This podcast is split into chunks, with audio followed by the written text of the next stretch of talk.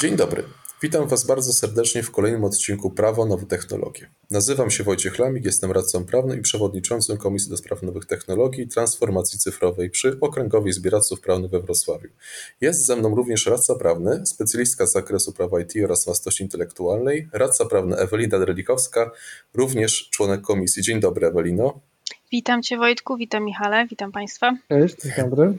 Dzisiaj chcielibyśmy przybliżyć Wam najważniejsze rzeczy dotyczące fintechu. Jest to jedna z najprężej e, rozwijających się gałęzi nowych technologii, która dotyczy nas nie tylko jako e, pełnomocników, radców prawnych, ale również no, konsumentów, którzy na co dzień korzystają z usług tego sektora. A temat przybliży nam nasz dzisiejszy gość, dr Michał Nowakowski, radca prawny, specjalista z zakresu fintech, sztucznej inteligencji, ale również wykładowca. E, Michał jest również autorem książki Fintech, Technologia, Finanse, Regulacje, przewodnik praktyczny dla sektora innowacji finansowych. Książka ta interesująca otrzymała w 2021 roku e, prestiżową nagrodę Edukat za najlepsze opracowanie naukowe. Dzień dobry, Michale. Dzień dobry, dziękuję. Zacznijmy od takich podstaw, bo wychodzimy z założenia, że ten e, podcast jest adresowany dla osób, które dopiero też chcą wdrożyć się w kwestie nowotechnologiczne. Wiadomo, że wielokrotnie przewija nam się, jeżeli na przykład mamy LinkedIn i tym podobne rzeczy, przewija nam się termin fintech. E, powiedz mi proszę, jak powinniśmy go rozumieć, ponieważ wiadomo, że potoczne rozumienie albo jakieś skojarzenia mogą prowadzić troszeczkę na manowce. Jasne, chociaż akurat wydaje mi się, że w tym wypadku skoja skojarzenia będą akurat kierowały nas w dobrym kierunku. A nie ma oczywiście jakiejś takiej definicji legalnej fintechu, natomiast no to jest połączenie de facto dwóch, dwóch pojęć. To znaczy finance albo financial i technology, no, czyli technologia. Czyli tak naprawdę, e, jeśli mówimy o fintechu, to mówimy o innowacjach e, finansowych wykorzystujących technologie. Niekoniecznie nowe technologie, bo do do tego zaliczamy też takie technologie, które są z nami powiedzmy od 10 czy 20, 20 lat, ale kryterium jest tutaj to, że mówimy o czymś, co jest w jakiś sposób innowacyjne. Względem fintechu też jeszcze warto tutaj e, powiedzieć, bo to jest też istotne, myślę, z punktu widzenia samych prawników, e, są e, takie dwa dodatkowe akronimy, a mianowicie RegTech i SAPTech. RegTech to to są oczywiście Regulatory Technology, które no, można sprowadzić do tego, że to są wszystkie technologie, które gdzieś tam wspierają w wypełnianiu obowiązków regulacyjnych, szeroko rozumianych, na przykład raportowania w sektorze finansowym. E, natomiast SAPTEC to, to są e, rozwiązania, które pomagają nadzorcy w sprawowaniu bardziej efektywnego nadzoru, właśnie z wykorzystaniem różnych rozwiązań, typu na przykład interfejsy dostępowe e, API, czy chociaż to jeszcze jest myślę, że dosyć daleka droga, wykorzystanie chmury obliczeniowej analityki dalej, ale mam nadzieję, że będziemy mieli okazję też na ten temat powiedzieć, bo e, nawet nasz rodzimy KNF ma na tym polu e, pewne ciekawe i no, dość innowacyjne w skali nawet światowej e, doświadczenia. Właśnie, ponieważ zauważyłem w ogóle, jeżeli chodzi o stosowanie czegokolwiek i później jeszcze zwrotu tech, pojawia się coraz więcej tego typu zwrotów. Oczywiście legal tech mamy do czynienia z tego typu zjawiskiem, ale również insurtech, tak, które związane jest na przykład z branżą ubezpieczeń.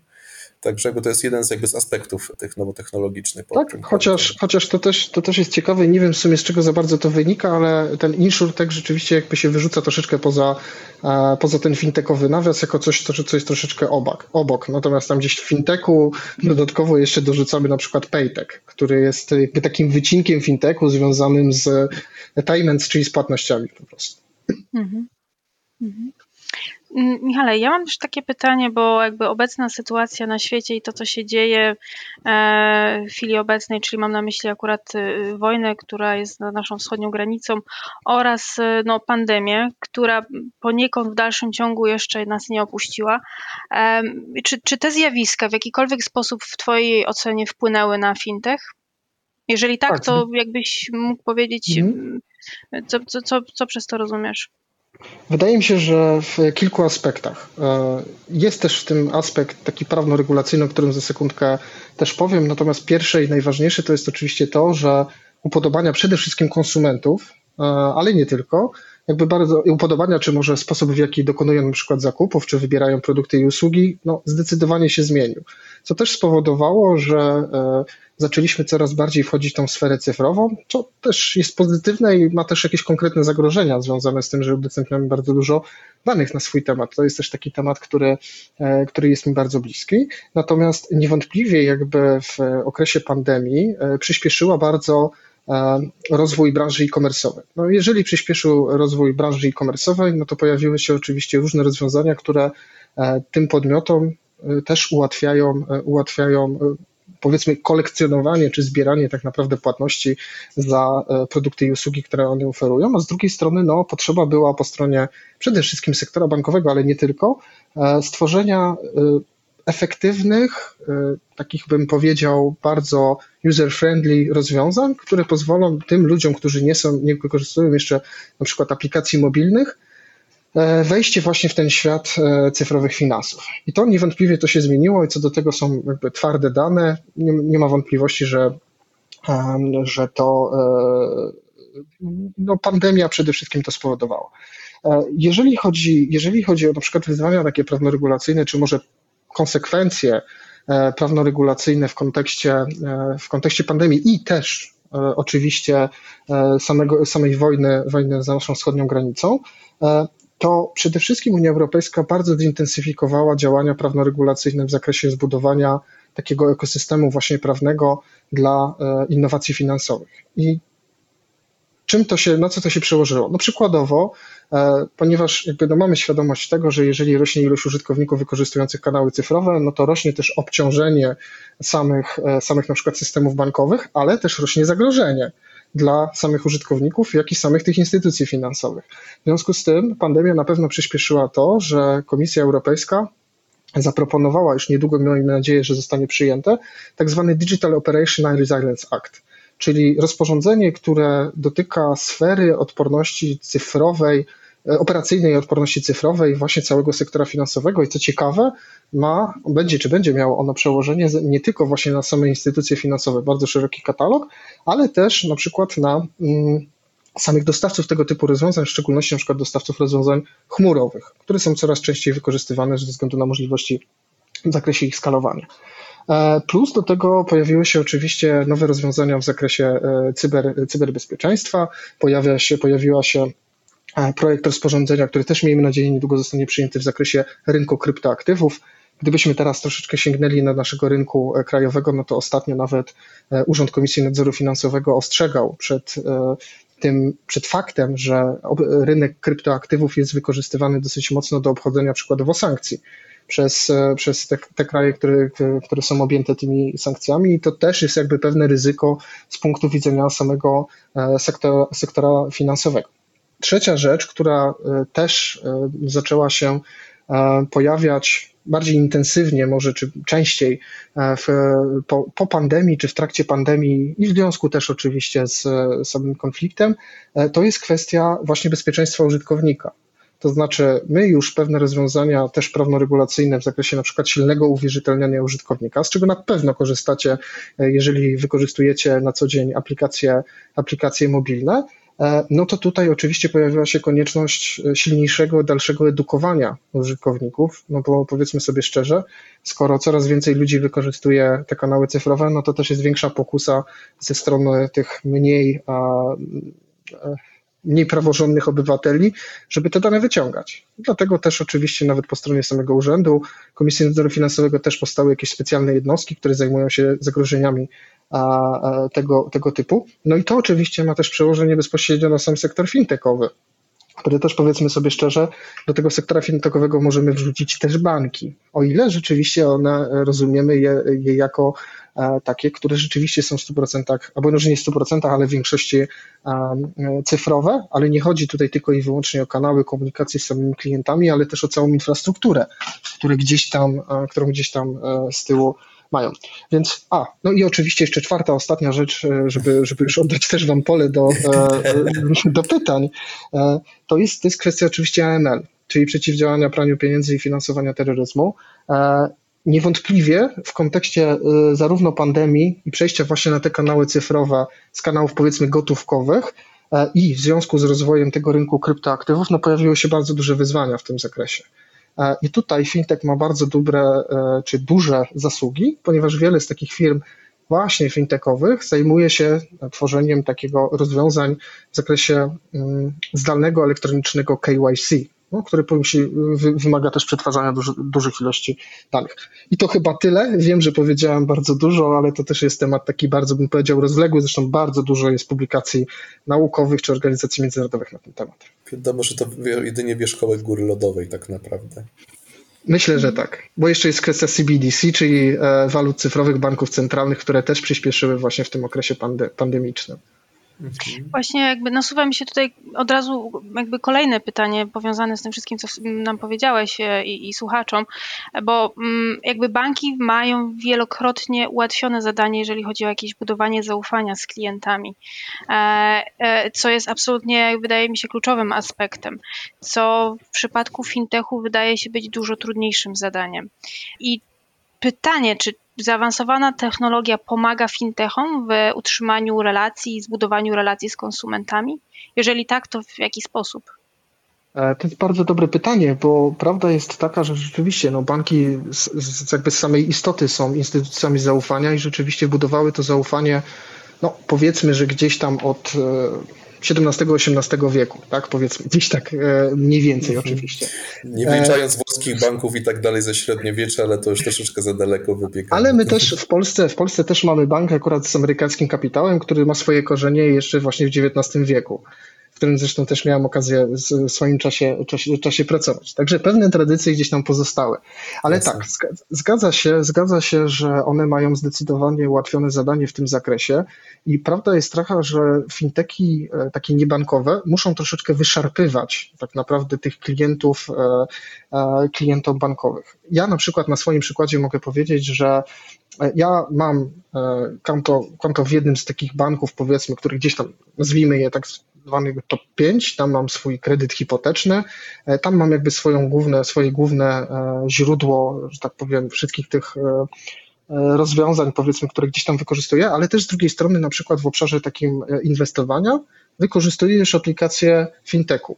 Fintechu akurat, no w tym wypadku akurat on jest bankowy, e, natomiast, natomiast rzeczywiście jakby on jest zdecydowanie bardziej taki user-friendly, on mnie przekonał tym łatwością realizowania różnych rozwiązań, łatwością samego onboardingu. Onboarding jest, był zdecydowanie szybszy niż w przypadku jakiegokolwiek polskiego, e, polskiego, nie tylko polskiego, ale w ogóle jakiegokolwiek banku.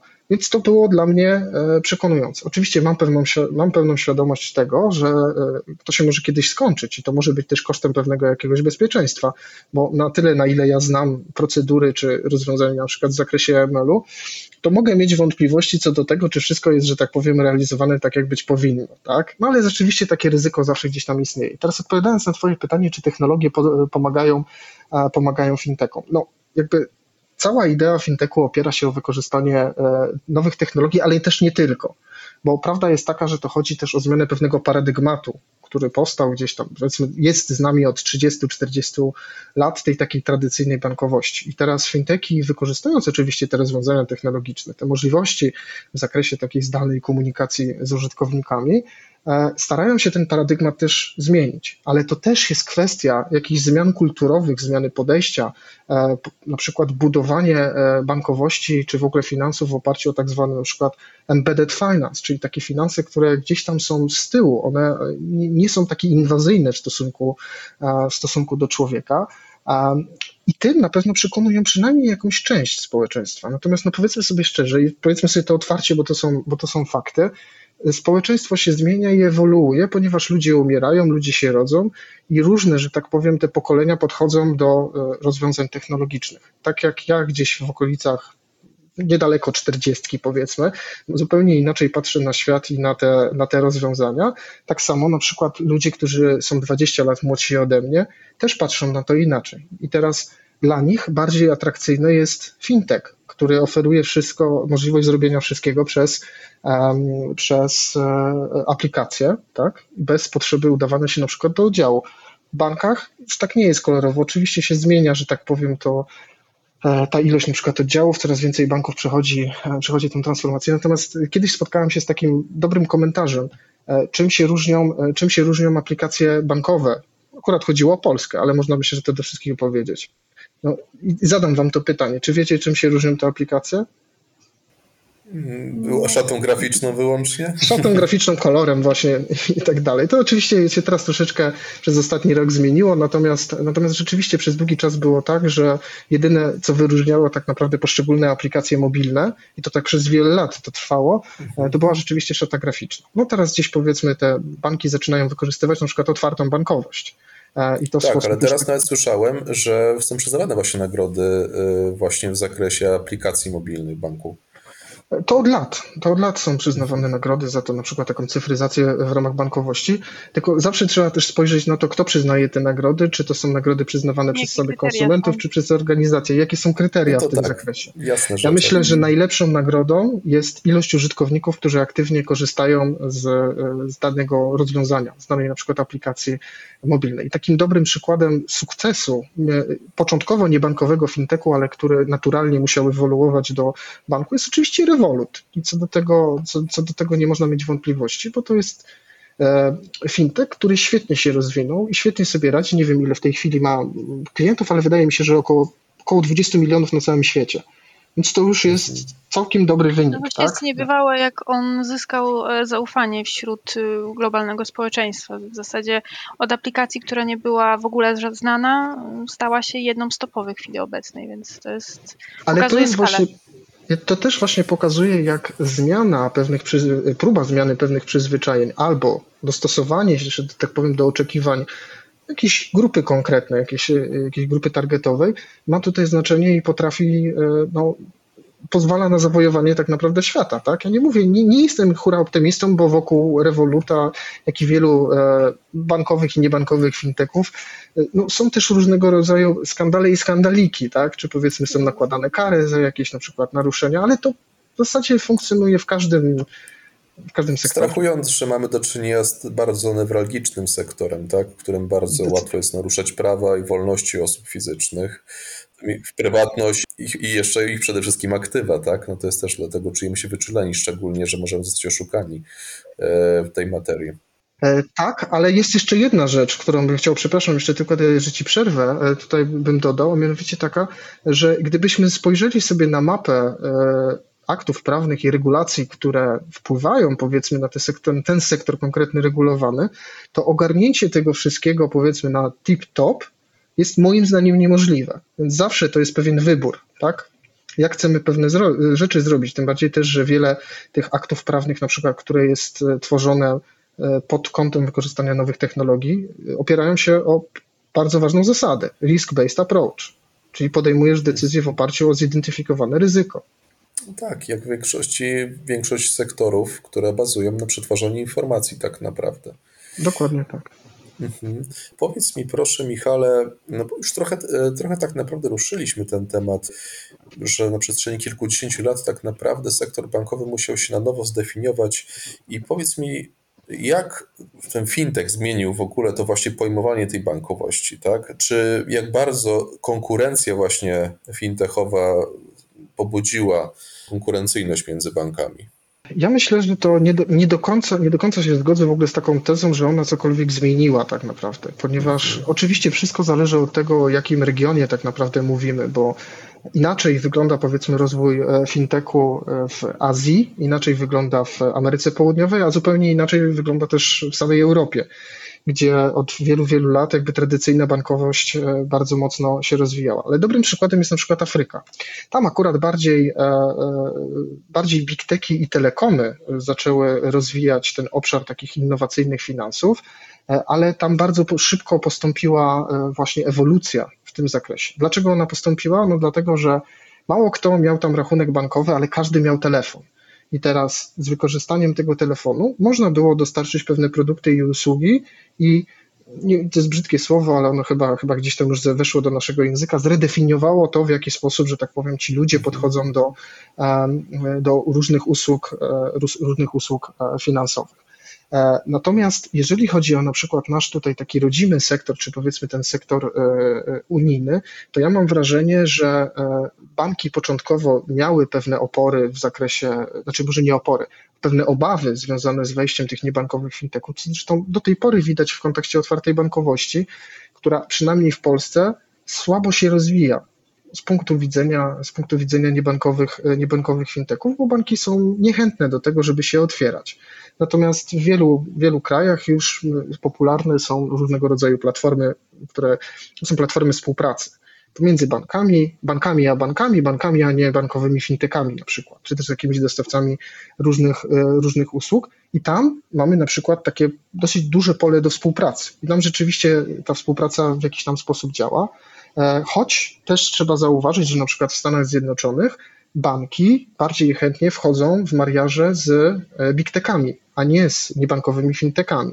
Czyli przykład na przykład Apple Card e, czy innych podobnych jakby rozwiązań, gdzie mhm. rzeczywiście jakby banki tutaj mają e, też współpracują. Też musimy pamiętać o tym, że są jeszcze jest rynek, o którym bardzo mało powiedzieliśmy i pewnie, pewnie nie starczy nam czasu, żeby o tym powiedzieć, ale rynek na przykład taki korporacyjny, czy rynek małych i średnich przedsiębiorstw który też ma, też, też ma tutaj znaczenie.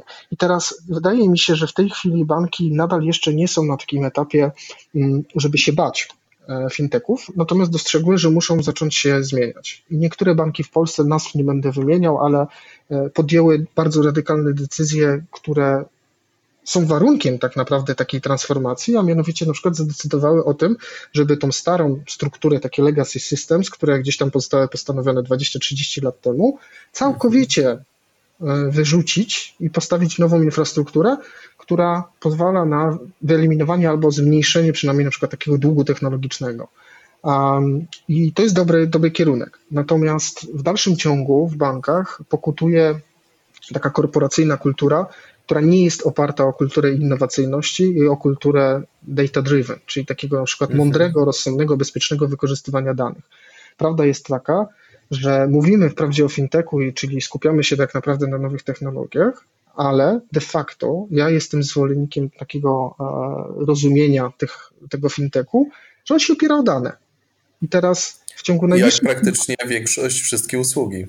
Dokładnie, a mamy tego jeszcze dobry, dobry przykład, że e, Komisja Europejska pracuje obecnie nad pakietem, po pierwsze, PSD2 rewizja, a po drugie Open Finance, czyli otwarte finanse, które będą się związały z szerszym wykorzystaniem danych. W związku z tym, e, jakby e, budowanie kultury, która pozwala instytucjom wykorzystać to, na czym siedzą, jakby, no bo prawda jest taka, że instytucje finansowe siedzą na, na, na danych, jest tutaj bardzo istotna. No i niestety mam takie wrażenie, że te niebankowe finteki e, nie bardzo to zmieniają. A z też tej prostej przyczyny, że bardzo często, jeżeli mamy fajny, jest jakiś fajny pomysł, jest jakiś fajny fintech, to bardzo szybko jest wchłaniane przez korporacje i niestety dosyć często, chociaż nie zawsze, ale bardzo często jest, e, powiedział, zabijany duch takiego, e, takiego rozwiązania.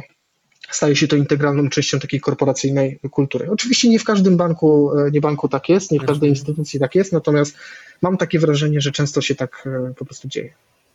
Rozumiem, czyli też ewentualnie faktycznie przejęcie jakiegoś e, startupu wielokrotnie pewnie, tak? E, przez na pewno jest łatwiejsze. Niekoniecznie, pewno jest łatwiejsze, ale widać, jak pokazuje doświadczenie, niekoniecznie zawsze pomaga.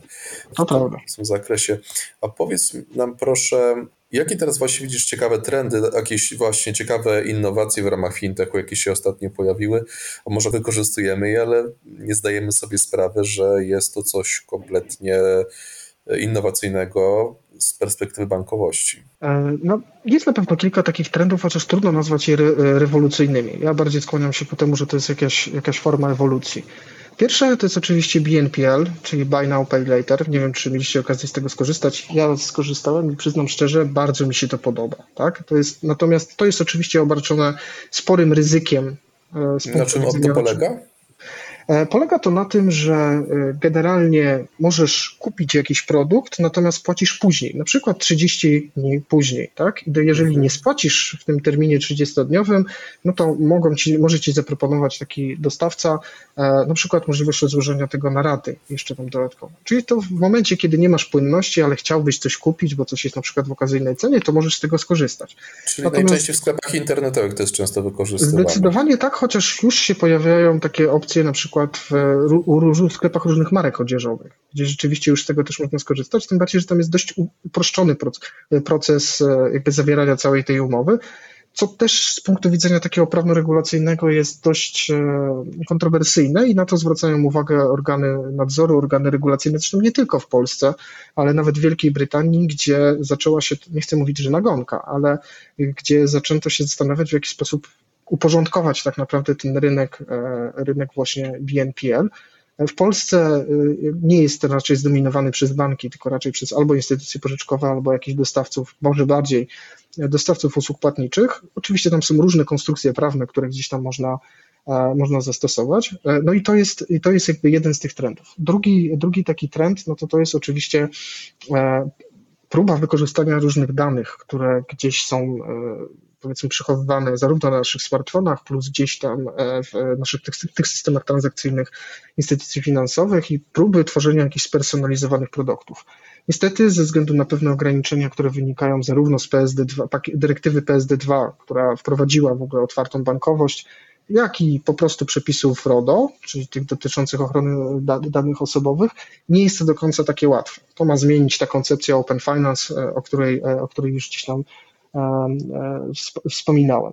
Poza tym jest coś, e, z czego na pewno korzystacie, a pewnie nie jest dla Was to już takie powiedzmy rewolucyjne, ale to są te właśnie embedded finance, czyli to są te finanse, które gdzieś tam są troszeczkę obok innych produktów e, i usług, gdzie tak naprawdę wykonuje się wiele rzeczy w taki frictionless, czyli bez jakichkolwiek tarcia, praktycznie bez, bez samego użytkownika. Takim znaczy może to nie jest dobry przykład akurat na embedded finance, ale takiego fajnego podejścia do samego użytkownika jest to, co oferuje Amazon. E, Amazon, który ma ten one click, gdzie rzeczywiście, jeżeli jesteś czymś zainteresowany i masz podpiętą swoją kartę, no to możesz zrobić to po prostu od razu, tak? E, no i oczywiście są, są już od dłuższego czasu, to jest kwestia wykorzystania biometrii. Gdzieś powolutku zaczyna się rozwijać wykorzystanie biometrii behawioralnej, na przykład, czyli tej dotyczącej no, analizy naszych zachowań, która gdzieś tam pozwala nam na przykład na bezpieczniejsze korzystanie z usług finansowych, bo przykładowo systemy tak zwane antyfrodowe, czyli systemy przeciwdziałające oszustwom na przykład płatniczym, E, mogą opierać się właśnie o e, biometrię behawioralną, czyli potrafią taki system wykorzystujący na przykład uczenie maszynowe e, i te dane, które ma, ma na temat użytkownika taki bank, potrafią zidentyfikować, czy dana transakcja jest realizowana przez tego konkretnego użytkownika, czy też jest podejrzenie, że to jest, że to jest transakcja nieautoryzowana. Więc y, to są takie, no oczywiście Blik jest takim przykładem, który właściwie można o tym powiedzieć, że to jest jedna wielka innowacja, bo rzeczywiście e, podejście do usług płatniczych tutaj on troszeczkę zmienił, natomiast y, no, no, czy, to jest, czy to jest coś rewolucyjnego? No raczej bym powiedział, że to jest coś ewolucyjnego, co w którymś momencie musiało, e, musiało się zacząć dziać.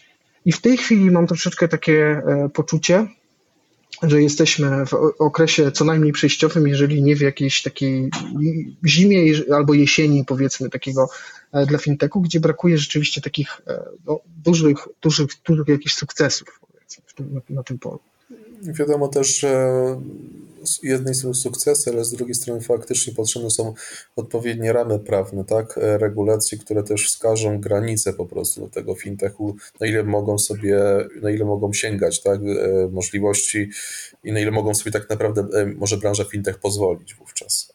Ale też potrzeba współpracy tak naprawdę też na przykład z instytucjami zastanymi tak zwane, czyli incumbent institutions, czyli po prostu bankami de facto i też wprowadzenie pewnych zachęt do tego, żeby banki na przykład chciały współpracować. Ja nie miałem czasu na to, żeby wchodzić tutaj w szczegóły, ale nawet sama e, dyrektywa PSD2 połączona z rozporządzeniem 2018-389 tak skonstruowała i ustawą o usługach płatniczych, e, tak skonstruowały poziom odpowiedzialności, przynajmniej na zewnątrz, taki widoczny w zakresie tych usług, na przykład dostępu do informacji o rachunku czy inicjowania płatności w ramach tej otwartej bankowości, że banki się po prostu zwyczajnie mogą bać po prostu e, udostępniania pewnych informacji. Przez to ta współpraca tak wygląda, jak wygląda, czyli nie wygląda bardzo często. Mhm. A powiedz proszę nam, jak w Twojej ocenie wygląda przyszłość big data w sektorze finansowym?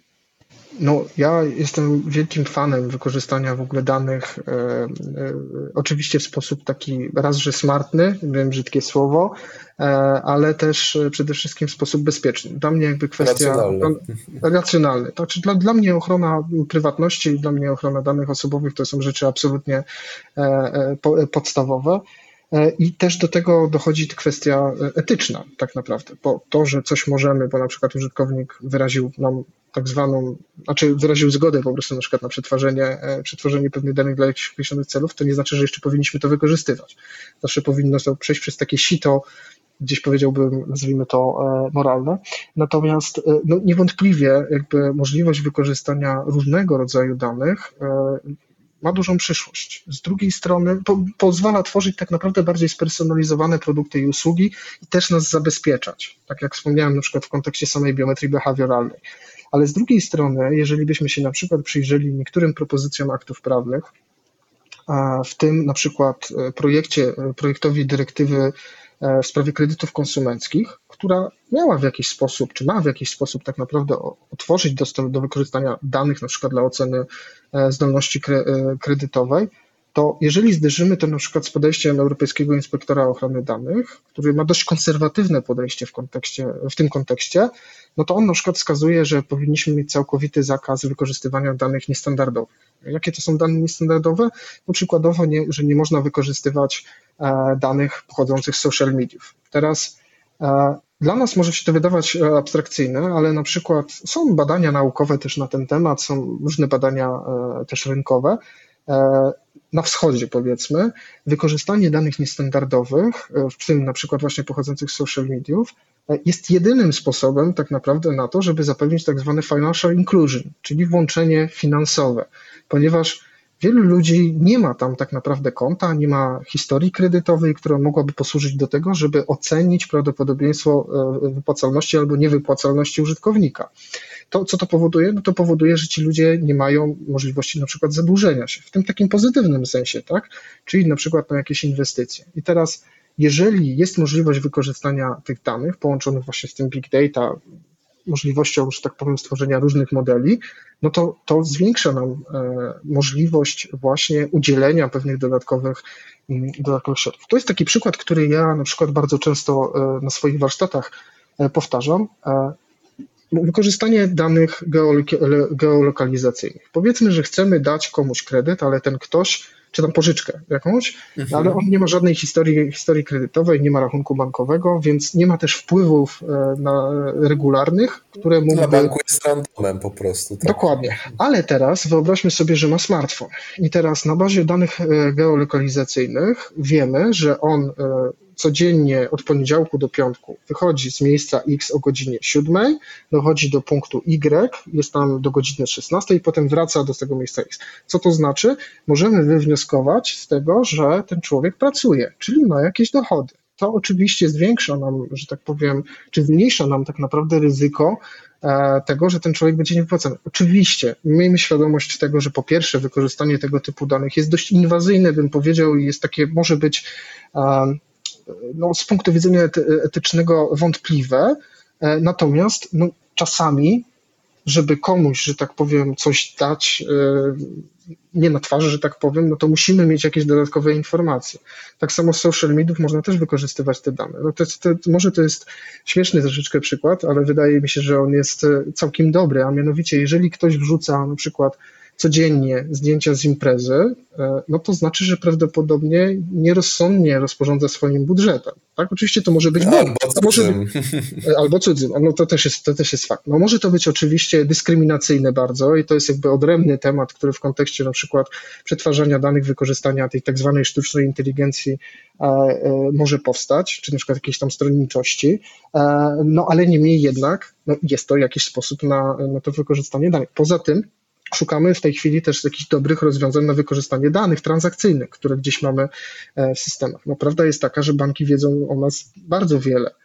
E, natomiast pytanie jest takie, czy mogą z tego korzystać. No, przy obecnych ograniczeniach prawnoregulacyjnych jest to bardzo trudne. Tym bardziej, że gdybyście, zachęcam zresztą do lektury, bo można się czasami też trochę uśmiać, e, do lektury takiej opinii Europejskiej Rady Ochrony Danych w zakresie zależności pomiędzy dyrektywą PSD2 a e, RODO, no, w której, że tak powiem, czasami są tak, te stwierdzenia, no, powiedziałbym, dosyć kuriozalne, chociaż pewnie poprawne.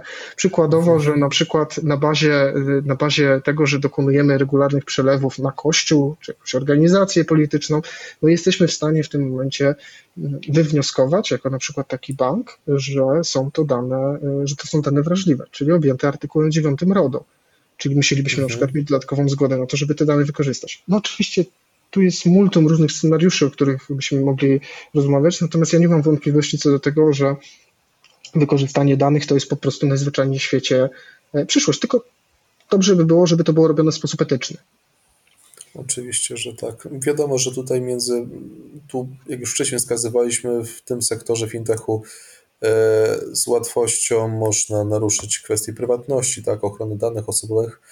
I jak właśnie wskazałeś wcześniej, że naprawdę smartfony, media społecznościowe mają dostęp do informacji w nich zawartych e, to jest po prostu skarbnica wiedzy na temat konkretnej osoby i zostawiamy tam dane, o których no, nie zdawaliśmy sobie z nich sprawy kompletnie. Kiedyś czytałem taką książkę, już nie pamiętam autora, Wszyscy kłamią i ona była o no, kontekście właśnie wyszukiwarek internetowych, że tak na dobrą sprawę ktoś wysunął sformułowanie, że wyszukiwarka internetowa jest w sumie i dane z tej wyszukiwarki w sumie być tak intymne jak szczoteczka do zębów, ponieważ na dobrą sprawę można się naprawdę mnóstwo konkretnej osobie dowiedzieć na podstawie, choć na podstawie tego, czego ona szuka po prostu, e, wpisując konkretne mm, hasła. To się zgadza. Do tego jeszcze, jeżeli byśmy dołożyli fakt, że nie ma czego, jest bardzo trudno, że tak powiem, stworzyć dane zanonimizowane tak naprawdę, czyli takie, których nie da się odkodować i przypisać jakiejś konkretnej osobie. To jest oczywiście możliwe, ale bardzo trudne. No i przy okazji tracimy, że tak powiem, skuteczność czy dokładność na przykład takiego modelu, który gdzieś tam wykorzystujemy. No to mówienie o tym, że jest jakaś tam prywatność, na przykład w zakresie nawet tych właśnie wyszukiwań, o których mówisz, no jest taka, bym powiedział, dość dyskusyjna. O tak to ujął. Tak, zdecydowanie. Ale teraz jeszcze takie krótkie pytanie z mojej strony w kontekście osób. Załóżmy, gdybyś miał czas na rozpoczęcie własnej działalności branży fintech, załóżmy, żebyś zaczynał, tak? Dopiero, bo już jesteś doświadczoną osobą na tym polu. Od czego byś zaczął w tym zakresie? Przede wszystkim, no wiadomo, że ważny jest pomysł, ale on nie jest najważniejszy tak naprawdę, bo prawda jest taka, że tak jak z każdym startupem, czy spółką, którą chcemy stworzyć, to jest tak, że musimy odpowiadać na jakąś konkretną potrzebę. To znaczy, kogoś coś boli i musimy znaleźć, że tak powiem, rozwiązanie tego jego problemu i uśmierzenie jego bólu. Bez tego, że tak powiem, nie ma sensu. Można kopiować różne rozwiązania, które gdzieś tam się e, pojawiają, ale przykładowo, jeżeli jesteśmy niebankowym takim fintechem i chcemy konkurować z bankami, a nie mamy kapitału takiego jak banki, mówię nie tylko w sensie finansowym, no to nie ma sensu, że tak powiem, gdzieś ten, w ten obszar gdzieś tam wchodzić. Więc najważniejsza to jest kwestia tak naprawdę odpowiadania e, na potrzeby. Ale druga bardzo ważna rzecz, o której bardzo często zapominają też właśnie e, funderzy tego typu rozwiązań, to jest dobry czek prawno-regulacyjny.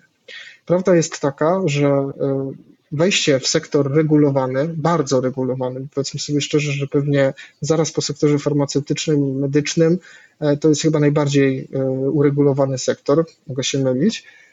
Sprawdzenie, czy nasz pomysł e, jest, że tak powiem, wpisuje się w te ramy prawne i regulacyjne i czy nie wymaga na przykład jakiegoś uzyskania zezwolenia, rejestracji czy czegokolwiek innego, jest absolutnie konieczne. Urząd Komisji Nadzoru Finansowego, tak jak inni regulatorzy, mają rozwiązania, które pozwalają nam na weryfikację tego. jest Innovation Hub, są nowe jakieś sandboxy, czyli te takie piaskownice, akurat wirtualne, nie regulacyjne, ale to się ma szansę też zmienić. W związku z tym e, trzeba z tego typu rozwiązań korzystać, żeby potem po prostu najzwyczajniej w świecie nie mieć, e, nie mieć problemów. Zawsze warto zastanowić się nad tym, czy wchodzenie na przykład w takie obszary jak Web3, które są bardzo często e, utożsamiane z kwestią szeroko rozumianych kryptoaktywów, jest rozwiązaniem bezpiecznym. Też z punktu widzenia wymogów, które gdzieś tam się pojawiają. Wiele podmiotów, które e, przez wiele lat e, funkcjonowało w tym środowisku, nagle, całkiem niedawno, dowiedziała się, że jest instytucjami obowiązanymi i ma obowiązki w zakresie przeciwdziałania praniu pieniędzy i finansowania terroryzmu a brak spełnienia e, mhm. obowiązków wynikających z tej ustawy, w tym na przykład w zakresie rejestracji, jest zagrożone całkiem dolegliwymi sankcjami w tym wypadku. Więc, e, więc to, są, e, to są takie, myślę, że trzy, trzy podstawowe takie kwestie, na które trzeba zwrócić uwagę. No i trzeba też mierzyć siły na zamiary, no bo to też Pięknie brzmi, pięknie brzmi mówienie o tym, że chce się zrobić disruption, chce się zrobić rewolucję w sektorze finansowym, ale potem przychodzi zderzenie, zderzenie z taką rzeczywistością i niestety trzeba troszeczkę pivotować, jak to się mówi, i zmieniać troszeczkę te pierwotne założenia. Nie mówię, że to jest Wiadomo, złe podejście. Też fundusze Wi wiadomo, że też tak. fundusze robią e, swoje, tak, ponieważ mamy do czynienia z branżą technologiczną bardzo newralgiczną, dlatego też e, odpowiednie zaplecze finansowe na tym polu no jest, wydaje mi się, nieodzowne. I też reputacja, bo często, często też ma znaczenie e, na przykład e, siła partnera, który za nami, za nami stoi. E, wprawdzie tutaj nie mówi, mów, mówimy o fintechach, a nie o rektekach, ale świetny raport z ubiegłego roku Europejskiego Urzędu Nadzoru Bankowego który pokazuje, jakie są, e, jaka jest percepcja jednych i drugich, to znaczy instytucji finansowych i dostawców tego typu rozwiązań, czyli dostawców rozwiązań technologicznych, w kontekście ewentualnej współpracy na przykład. Bo to też jest, to też jest jakby kolejna rzecz, to znaczy e, zdefiniowanie sobie rynku. Czy chcemy iść w rynek na przykład B2B, czy chcemy iść w rynek B2C. A rynek B2C jest bardzo trudny, czyli ten rynek taki nastawiony na samego konsumenta w przypadku rynku to B2B, no to też pojawia się pytanie, czy chcemy iść w kierunku na przykład współpracy z bankami, dostarczaniem pewnych jakichś rozwiązań, to też jest rozwijanie fintechu, tak? Tylko to jest dokładanie mhm. jakichś klocków, powiedzmy, które brakują na przykład banko, bankom, czy też na przykład pójście rzeczywiście w klientów korporacyjnych. Co jest trudne z, z punktu widzenia, czy biorąc pod uwagę to, o czym na początku powiedzieliśmy, czyli to, że banki już są jakimiś instytucjami zaufania takiego publicznego. A powiedz jeszcze nam proszę, jak w Twojej ocenie wygląda sytuacja fintechu w Polsce w zestawieniu z resztą świata? Czy jest coś, czym moglibyśmy się pochwalić?